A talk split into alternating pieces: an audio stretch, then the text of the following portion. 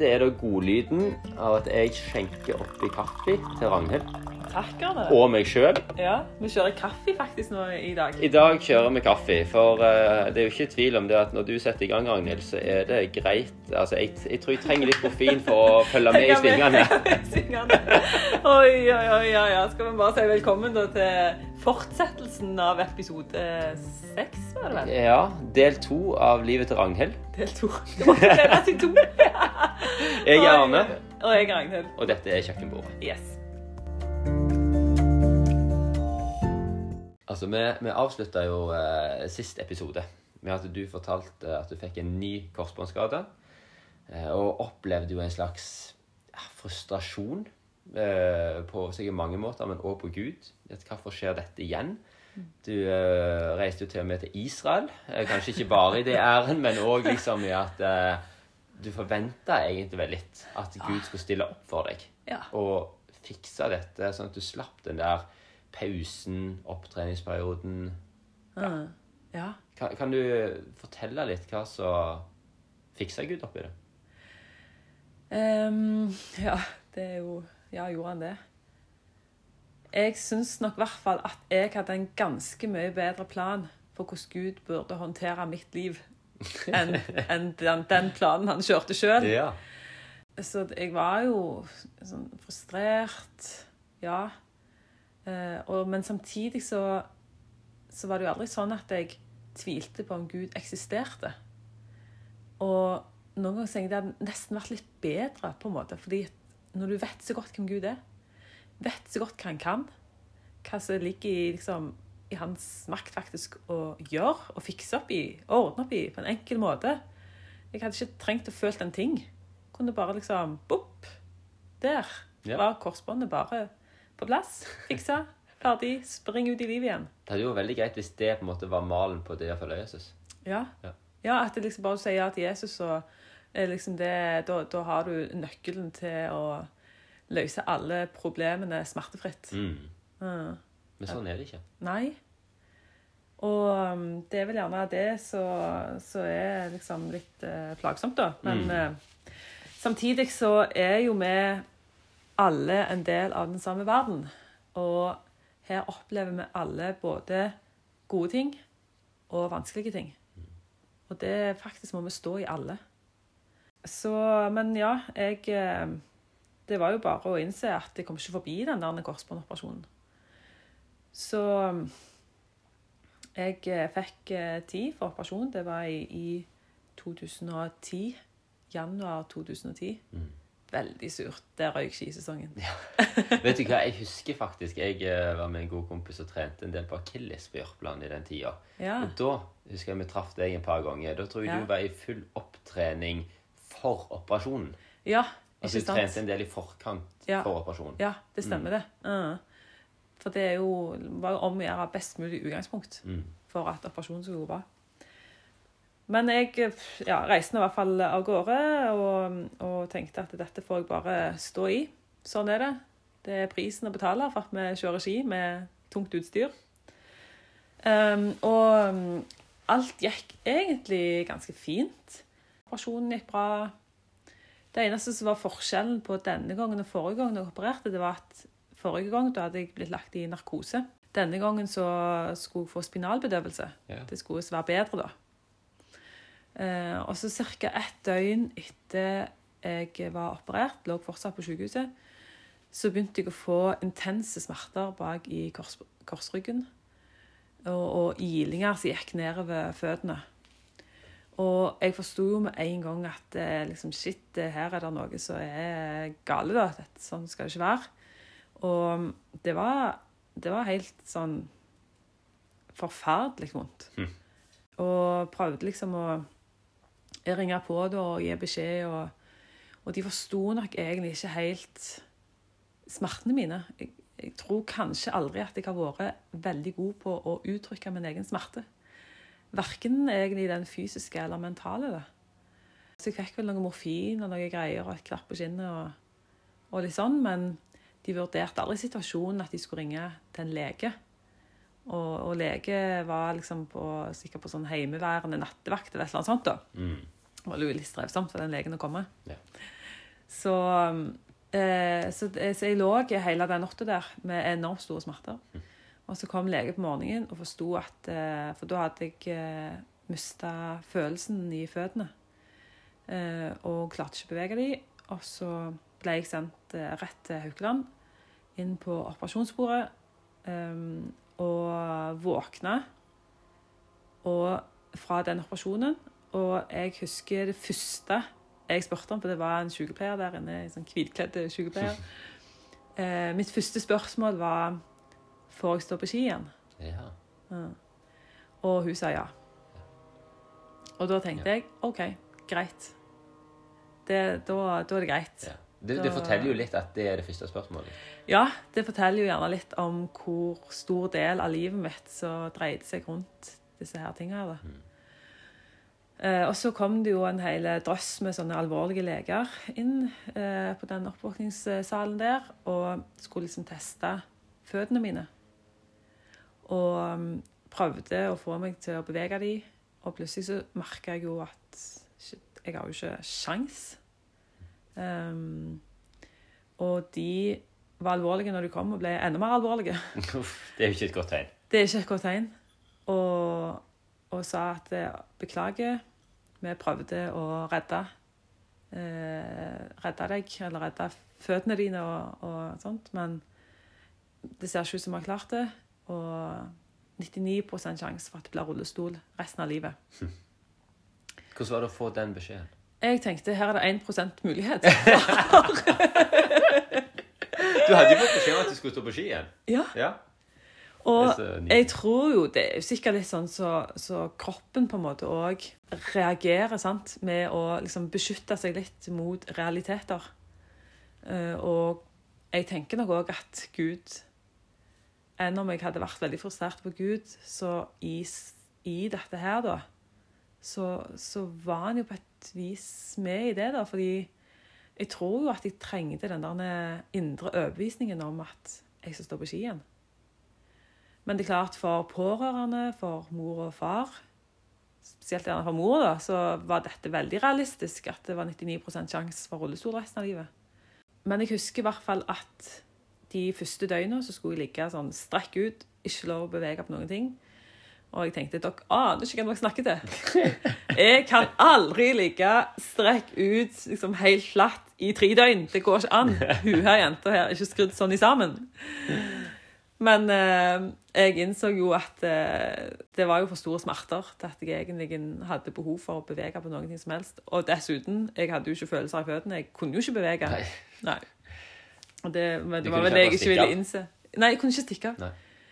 Og for første gang så i livet egentlig, så kunne jeg ikke springe fra det vanskelige. Hm. Og um, det ble jo noen døgn der som Det er mye tanker som fyker gjennom ho- hodet. Og det bibelverset som jeg sa jeg lærte meg som liten, det ble på en måte det som svirra og gikk. Vær ikke redd, for jeg er med deg. Se deg ikke engstelig om, for jeg er din Gud. Jeg styrker deg, jeg hjelper deg, og jeg holder deg oppe. Og det var spesielt de tre siste linjene med 'jeg styrker deg', 'jeg hjelper deg', og 'jeg holder deg oppe', som ble sånn OK, Gud, nå er meg og deg på veldig dypt vann. Nå handler det ikke om hebraiske gloser. Det handler ikke om å kunne alt om Gud, ha alle rette meninger om det ene og det andre. Men nå handler det om Er du her, Gud? Holder du nå? For nå rakner livet mitt.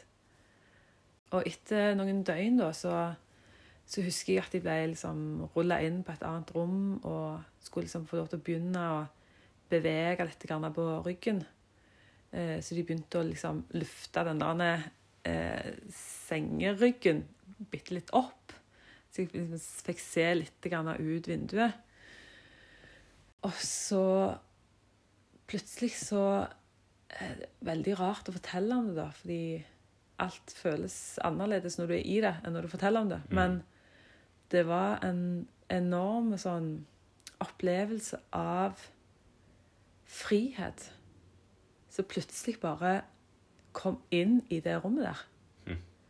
Og jeg følte at det var akkurat som ei bøtte med glede som bare ble tømt over meg. Og jeg husker at jeg sa høyt ute i rommet at Wow, Jesus, du er her nå. Du er i dette rommet her. Og her vil jeg faktisk bare være. For her nå Her er friheten. Og for meg så var det så utrolig rart å kjenne på frihet når jeg lå på mange måter lenka fast da, til ei seng. Og alt det som jeg hadde holdt så hardt tak i og fast i med, med idretten og liksom den frie livsutfoldelsen Det var helt tatt ifra meg. Og så kjentes det ut som frihet. Og ja Jeg eh, Det var nok også en, kanskje òg en sånn følelse av at jeg fikk virkelig en nullstille. Eh, for jeg la jo mye press på meg sjøl òg i alt den idretten jeg drev med. og Skulle hele tida framgang, bli bedre, få det til. Altså, En dag skulle inneholde ganske mange forskjellige elementer for at jeg ville stemple det som en vellykka dag. Ja. Alt fra studier til, til idretten og til alle disse tingene her. Men, men i alt dette, da ehm, altså Nå var du ganske fersk for deg sånn sett når du lå der, men altså, spurte du ikke Gud om hvorfor? Ja, hvorfor? Jeg fikk jo etter hvert eh, ganske mange spørsmål, iallfall fra andre. Hvorfor skjer dette med deg? Du har jo levd så nært Gud og liksom gjort så mye for Gud. Jobba som ungdomsarbeider i menigheten, gått på bibelskole, bla, bla, bla. Liksom, hvorfor lar Gud det skje med deg? Men for min del så har jeg aldri det hvorfor-spørsmålet vært så veldig stort eller vanskelig. Fordi litt som jeg sa i forhold til det der med at jeg tror ikke at som kristen så unngår du alle livets utfordringer. Fordi vi lever jo i den samme verden alle. Og ting treffer livet. Og så er det gjerne litt mer Hva skal jeg si For min del i hvert fall så har jeg følt at jeg har kommet lenger med å stille spørsmålet Hvem er du nå, Gud? Istedenfor hvorfor dette, Gud? Og jeg opplevde jo virkelig at Gud var veldig sterkt til stede i den første fasen der. At det var så mye glede. Og jeg tenker på de Jeg, jeg ble jo forflytta videre da, til en opptreningsavdeling for ryggmargskade. Um, og visste jo aldri om jeg skulle begynne å gå igjen. Men altså den opplevelsen av å sitte i rullestol med latterkrampe Ja. Og, og få kjenne på at ja, men det er jo Ragnhild som sitter her i denne rullestolen her. Jeg er jo fremdeles meg sjøl. Så ifra å oppleve den første korsbåndoperasjonen og sommeren der som, en opplevelse av å miste meg sjøl, så opplevde jeg denne gangen at jeg fikk finne meg sjøl. Og finne meg sjøl uten at det var idretten som utgjorde min identitet. Ja. Og noe av det som jeg husker at jeg, jeg fatter ikke hvorfor jeg klarte å gjøre et sånt valg, men, og hvordan jeg tenkte over det valget, men jeg husker at jeg bare bestemte meg for at dette her er faktisk så voldsomt at dette kan jeg ikke takle alene. Jeg kan ikke, kan ikke stå i dette alene. Og det gjorde at jeg kanskje for første gang åpna meg opp, og begynte å åpne opp og slippe både venner og, og familie og ja, helsepersonell og psykolog og alt det der inn på livet, livet. De vanskelige tinga som jeg hadde lagt låg på så veldig lenge. Og jeg tror kanskje det òg var noe av det som ga meg en enorm følelse av frihet. For jeg trengte ikke å gjemme vekk. Eh, Jeg kunne fortelle om ja, min frykt og mine vanskelige tanker og følelsen av å miste seg sjøl. Og, og så gjorde det jo veldig sterkt inntrykk på meg òg, det å møte de andre folka som òg var på den avdelingen. som òg hadde fått livet sitt snudd på hodet. Noen hadde, var nyskada, sånn som meg, og noen var inne på treningsopphold fordi de hadde blitt skada for en del år siden og var innom og fikk behandling og, og sånne ting.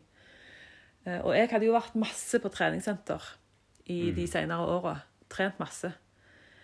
Men aldri før har jeg opplevd et treningsrom med mer glede enn det, det treningsrommet som var der. Altså, Bes- Beskriv det litt. ja, altså For det første så følte jeg meg jo veldig sånn sitt når jeg var der. For alle heia på hverandre. Vi visste at vi sto i noe drit, alle sammen. Eh, og så ville vi virkelig heie hverandre fram. Og liksom Altså hvis jeg Etter hvert så begynte jo jeg faktisk å da kunne eh, bevege meg ut fra rullestolen, over i en sånn gåstol, og begynte jo å kjenne på at fytti, jeg kan faktisk klare å gå igjen. Og høre de heiaropene på kryss og tvers av et sånt et treningsrom når jeg tok et steg, eller Altså Den store forskjellen på et sånt et treningsrom og et annet treningssenter, det er at på et vanlig treningssenter så går veldig mange for å trene seg for å vet ikke jeg, se bra ut. Mm. Mens på et sånt et treningssenter som det, så trener folk for å mestre livet. Ja. Og, og sårbarheten og svakheten og alt det sitter klistra utpå. Du får ikke pakket det vekk. Fordi at du Det er så tydelig, da. At eh, du må liksom bare leve med det utpå. Og det er så enormt mye frihet i det. Og det er så mange ganger så har jeg tenkt sånn at OK Vi liksom tenker om livet at hvis det skal være fritt og lykkelig og alt det der, så må jeg ha ingen begrensninger. Da må jeg kunne være spontan, fri, åpen. Utfolde meg på alle mulige vis. Da er livet frihet, da er det lykke, alt det der. Men så ser jeg akkurat som at den stripa av lykke, den blir så utrolig smal. For det skal så lite til for at noe skjer i livet. Så, så rammer deg på en begrensende måte. Mm. Og hvis lykken bare er å finne i det ubegrensa livet, da gjør vi den Altså, den stripa for lykke blir så veldig smal å balansere på. Og det blir ganske og, og det å balansere på ei smal stripe, det er ganske slitsomt. Ja, ja. Så det blir jo ganske slitsomt òg hvis en sjøl Vi snakker om det å Identitet snakker vi litt om. altså Hva er grunnleggende for livet mitt? Og hvis jeg er den som skaper min identitet med de tingene jeg klarer å prestere, de tingene jeg gjør, så blir det jo en konstant kamp Mm. for å eh, ha sin identitet, eller beholde den. Mm, ja. Noe Skape tvi, tviholde på. Mm. Ja. Jeg ser for meg Hvis du har en sånn en ganske smal planke, og så, eh, og så er det en heldig utvalgt som skal få, få bind for øynene og balansere på denne planken her. Men den som har bind for øynene, vet ikke hvor langt det er fra planken og ned til på en måte den faste grunnen, da. Eller ja. Så den som har bind for øynene, får beskjed om ja, det er tre meter ned. Så du må ikke trå feil. Da detter du tre meter ned. Da er du ganske shaky når du går på den eh, planken der. Men så er jo greia at den personen blir jo bare lurt. For det er jo litt festlig å lure Ja. folk. sant? Eh, så det den personen ikke vet, det er at det egentlig er det bare fem centimeter ned. Men den sin følelse når han går på den planken der, er jo som om det er tre meter ned, og fallhøyden er uendelig stor, og det er krise hvis jeg detter forbi. Og så er det akkurat som jeg ser for meg at de folka som jeg treffer på ryggmargsavdelingen på Haukeland, de har fatta at nei, det er ikke tre meter ned. Det er bare fem små centimeter. Og så er det ei god eh, sånn ei grasmatte på sida. Det er deilig å lande. Akkurat de bare hadde innsett noe om at lykken er ikke på den smale stripa der. Lykken er ikke i det ubegrensa livet. Det er ikke det som er frihet. De hadde bare fatta at ja, men jeg bare detter av den der tynne, smale balansestripa der, jeg. Så er jeg her, eller? Her er det mye bedre. Ja. Eh, så jeg vet ikke Det på en måte kombinert òg med den friheten som jeg opplevde at Gud møtte meg med. Det var jo hallelujastemning. okay, Ok, Når vi hører disse tingene, så, så eh, det jeg hører, er jo at her var det jo mye glede. Eh, det var jo litt hallelujastemning, og det var ikke noe sånn påtatt. Men her, her var det Det kom innante. Men, men hva med Det må jo ha vært noen litt sånn vonde, vanskelige ting her òg. Mm. Hvordan var det å være i det? Eh, Jeg husker en av sykepleierne sa til meg når jeg var på, liksom, i de første månedene der, da.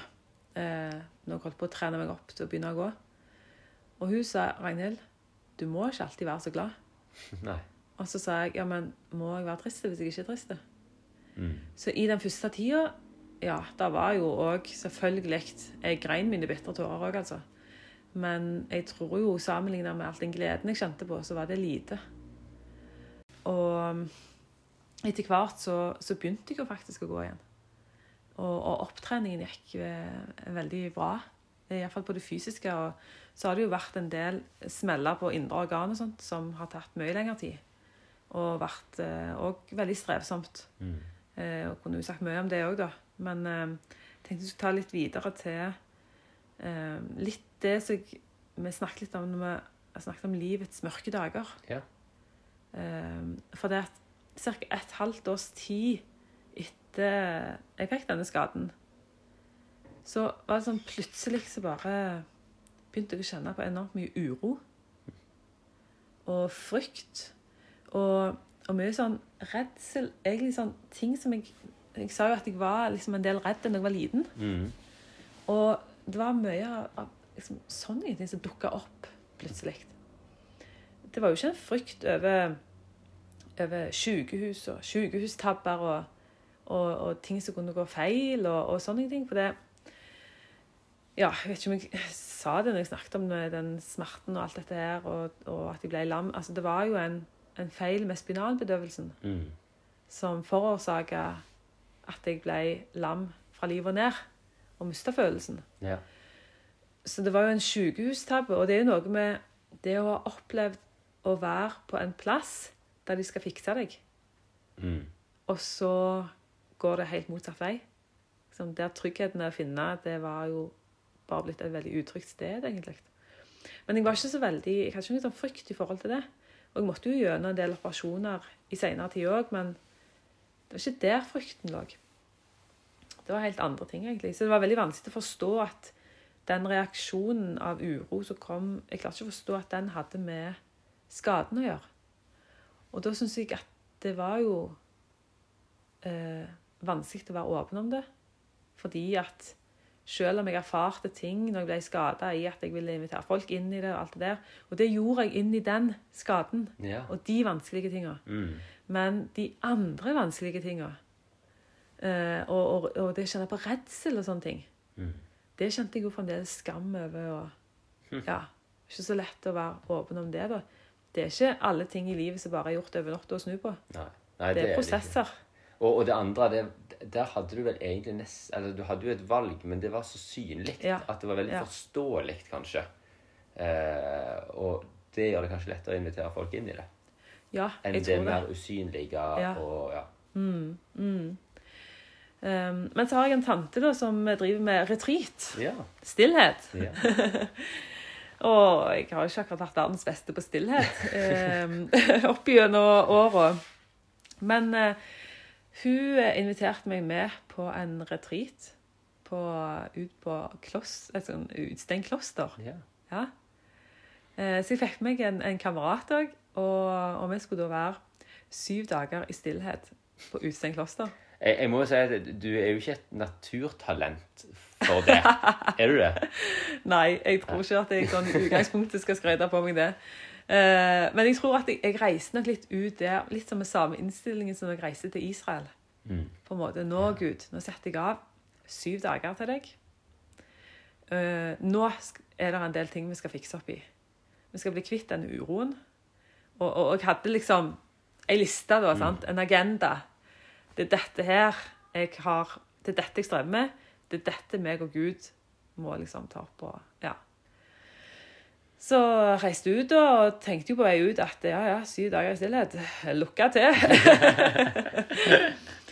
så er det ikke helt bare stillhet. Vi hadde jo eh, Det var stille måltider, men da var det ofte litt musikk. Og så var det en eh, sånn eh, samling på, på kvelden der det var litt eh, ja, sånn natt, nattverdsgudstjeneste, da. Mm. Um, og så hadde vi en samtale uh, om morgenen med Mm. en veileder, åndelig veileder. Og jeg kom der og kom på en måte med ja, mine forventninger da, til dette oppholdet her, og alt jeg skulle få ut av Gud. Og. Og vi begynte å snakke om det og sånne ting. Og jeg begynte å fortelle litt om, om ja, hva jeg hadde vært igjennom, og livet. og og så, altså hun Veilederen der hun hadde nok vært ute i vinternatt med Gud før. og, og ble liksom ikke så, ble på en måte ikke så overbevist om alt dette halleluja-greiene og, og liksom Guds nærhet og hvor sterkt jeg hadde opplevd Gud og, og alt det der. Altså hun, hun var litt mer sånn Ja, men Ragnhild, jeg hører at du forteller at Gud har vært veldig sterkt til stede, bla, bla, bla. Men jeg er litt interessert i den natta når du ble skada. Når du lå der med så mye smerter. Hvor var Gud da? Ja. Og da var det sånn Jeg bare What? Eh, oi. Nei, hvor var Gud da? Gud hadde vært veldig sterkt til stede etterpå, men ja, den natta der. Hvor var Gud da? Eh, og Ja, hjelp, liksom. Mm. Eh, tror jeg på en Gud som kommer for seint? Tror jeg på en Gud som glemmer seg ut? Eller glemmer meg ut? For hvor var han den natta? Og, og for første gang så kjente jeg på en sånn veldig sånn dyp tvil på, på, liksom, på Gud. Altså, jeg hadde jo stilt meg spørsmålet før òg, altså. Er, er Gud å stole på? Er han god? Alt det der. Men, men nå ble det sånn hjelp. Eh, og liksom Hvorfor i all verden skulle hun, som på en måte skulle lede meg i retning av Gud, og være med liksom på Ja, gå i en god retning, her. rote opp i det der greiene der. Ja, Kan ikke bare la det ligge? La det ligge. Altså, Ja. Det hadde jo vært på en måte lurere, det. Mm. Sånn sett utenfra, iallfall. Men, eh, men hun utfordra meg da på å spørre Gud hvor var du en Gud, den natta når jeg ble skada. Og jeg tenkte nok at ja, det kan jeg jo spørre om, men jeg tror ikke jeg får svar. Altså, OK, kanskje jeg får et bibelvers eller et eller annet som Mm. gir meg en slags trøst. Men Gud var jo ikke der. Mm. Så liksom, hvordan skal han nå i ettertid Hvordan skal han forsvare seg på den? Ja, hvordan skal han forsvare seg på Mm. den? Ja. Og dagene gikk. Og jeg hørte jo ikke så fryktelig mye, syns jeg, fra, fra Gud.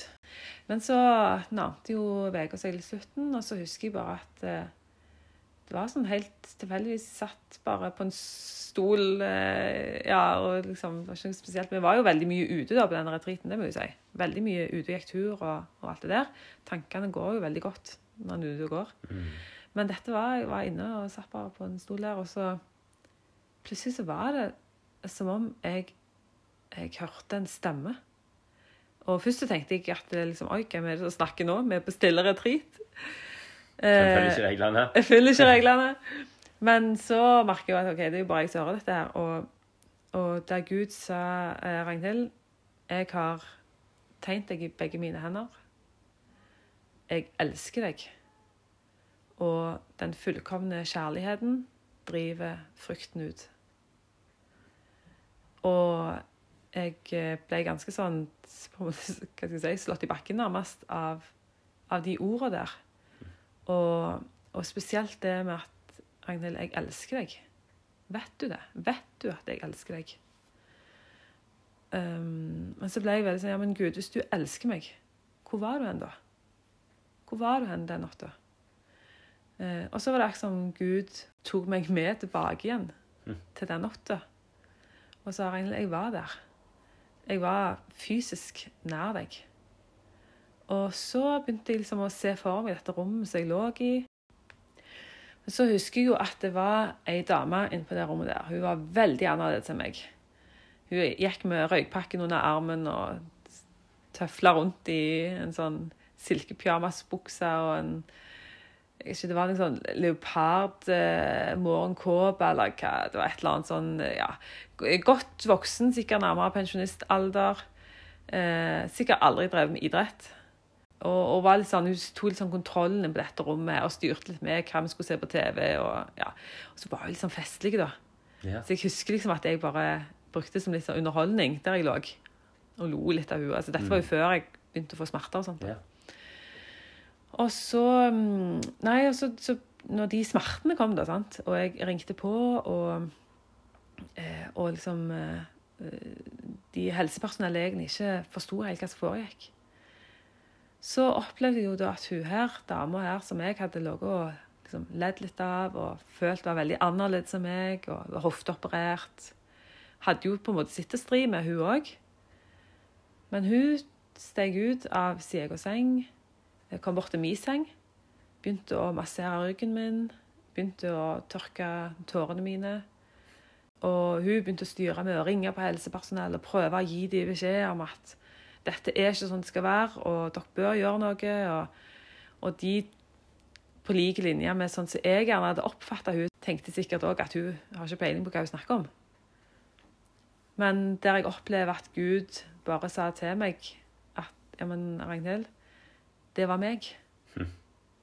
Det var jeg som steg ut av den senga der, som kom bort til deg, som var fysisk nær deg, masserte ryggen din, tørkte tårene dine. Det var meg.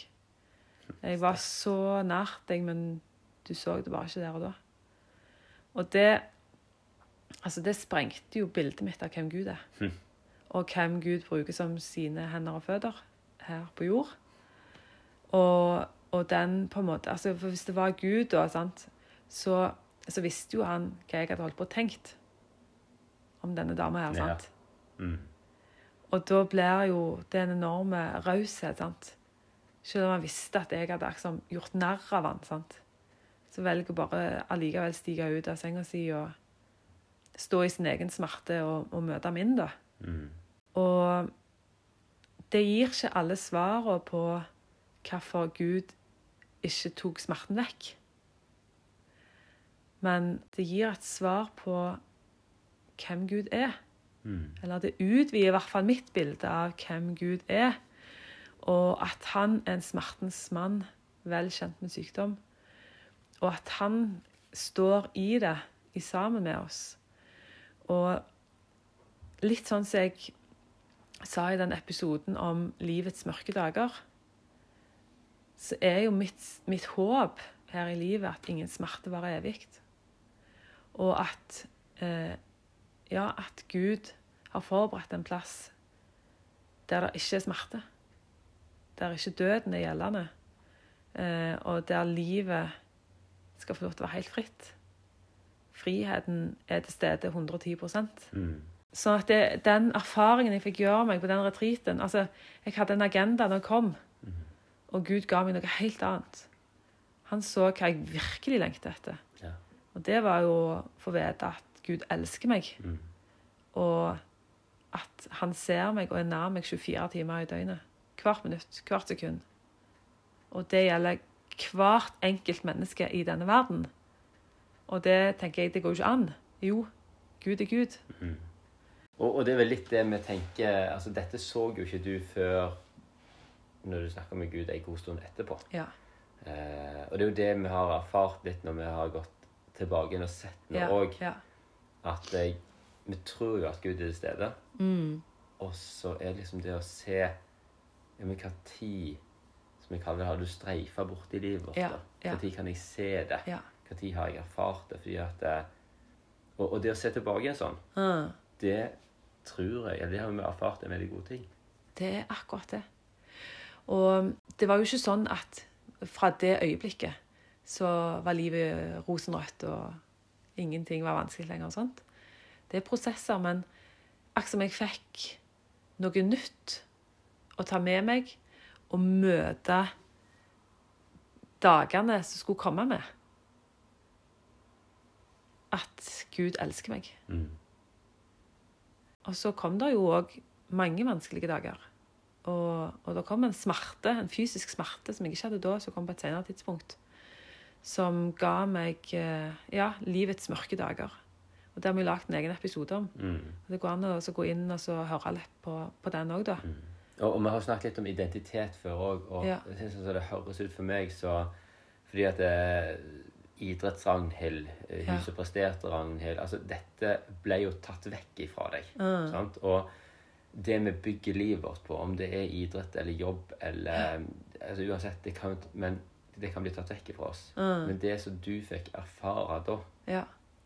jeg elsker deg, ja. at Gud er der, det går ikke an å ta vekk. Nei. Og òg det med at jeg er Ragnhild. Mm. At jeg er meg. Om jeg sitter i rullestol, om jeg springer opp på fjellet, så er jeg den samme.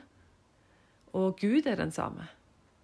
Eh, og ja Nei, det er livet, altså, Arne. Ja, det, det er helt sant, og det er um, Nei, jeg, jeg, det som jeg har sagt, jeg har hørt en del av dette før, men eh, utrolig fint å høre, Arnhild. Takk for at du ville høre på Ja. dette nok en gang, Arne. Ja. Og uh, takk til alle dere andre Ja. som hører på. Ja. Og så er det jo som sagt så er det mange, mange ting som en kunne ha satt ord på og snakket om, og kan liksom ikke ta med alt. Og noe jeg brukt opp to episoder allerede. Ja. Jeg tror, tror ikke jeg skal bevege meg over i en tredje. Nei, sant. Men jeg tror jo eh, Vi tenker jo å fortsette med dette, Ragnhild. Ja. Og jeg tror jo vi kommer nok til å touche inn på en del av både dette som vi har snakket om, Mm. men òg litt videre på en del av de tingene som vi nå kanskje bare så vidt har vært borti. Ja. Syns du det er spennende, dette her med sjølbildet, gudsbilde, identitet, Mm. disse tingene? For det er så grunnleggende i livet. Helt grunnleggende. Jeg tror vi må, vi må ta en runder på det. Det må vi. Og så, og så hadde det faktisk vært kjekt at en episode om helbredelse òg en gang. Ja. Det tror jeg vi må ha. jeg gleder meg til fortsettelsen. Ja, jeg òg gjør det.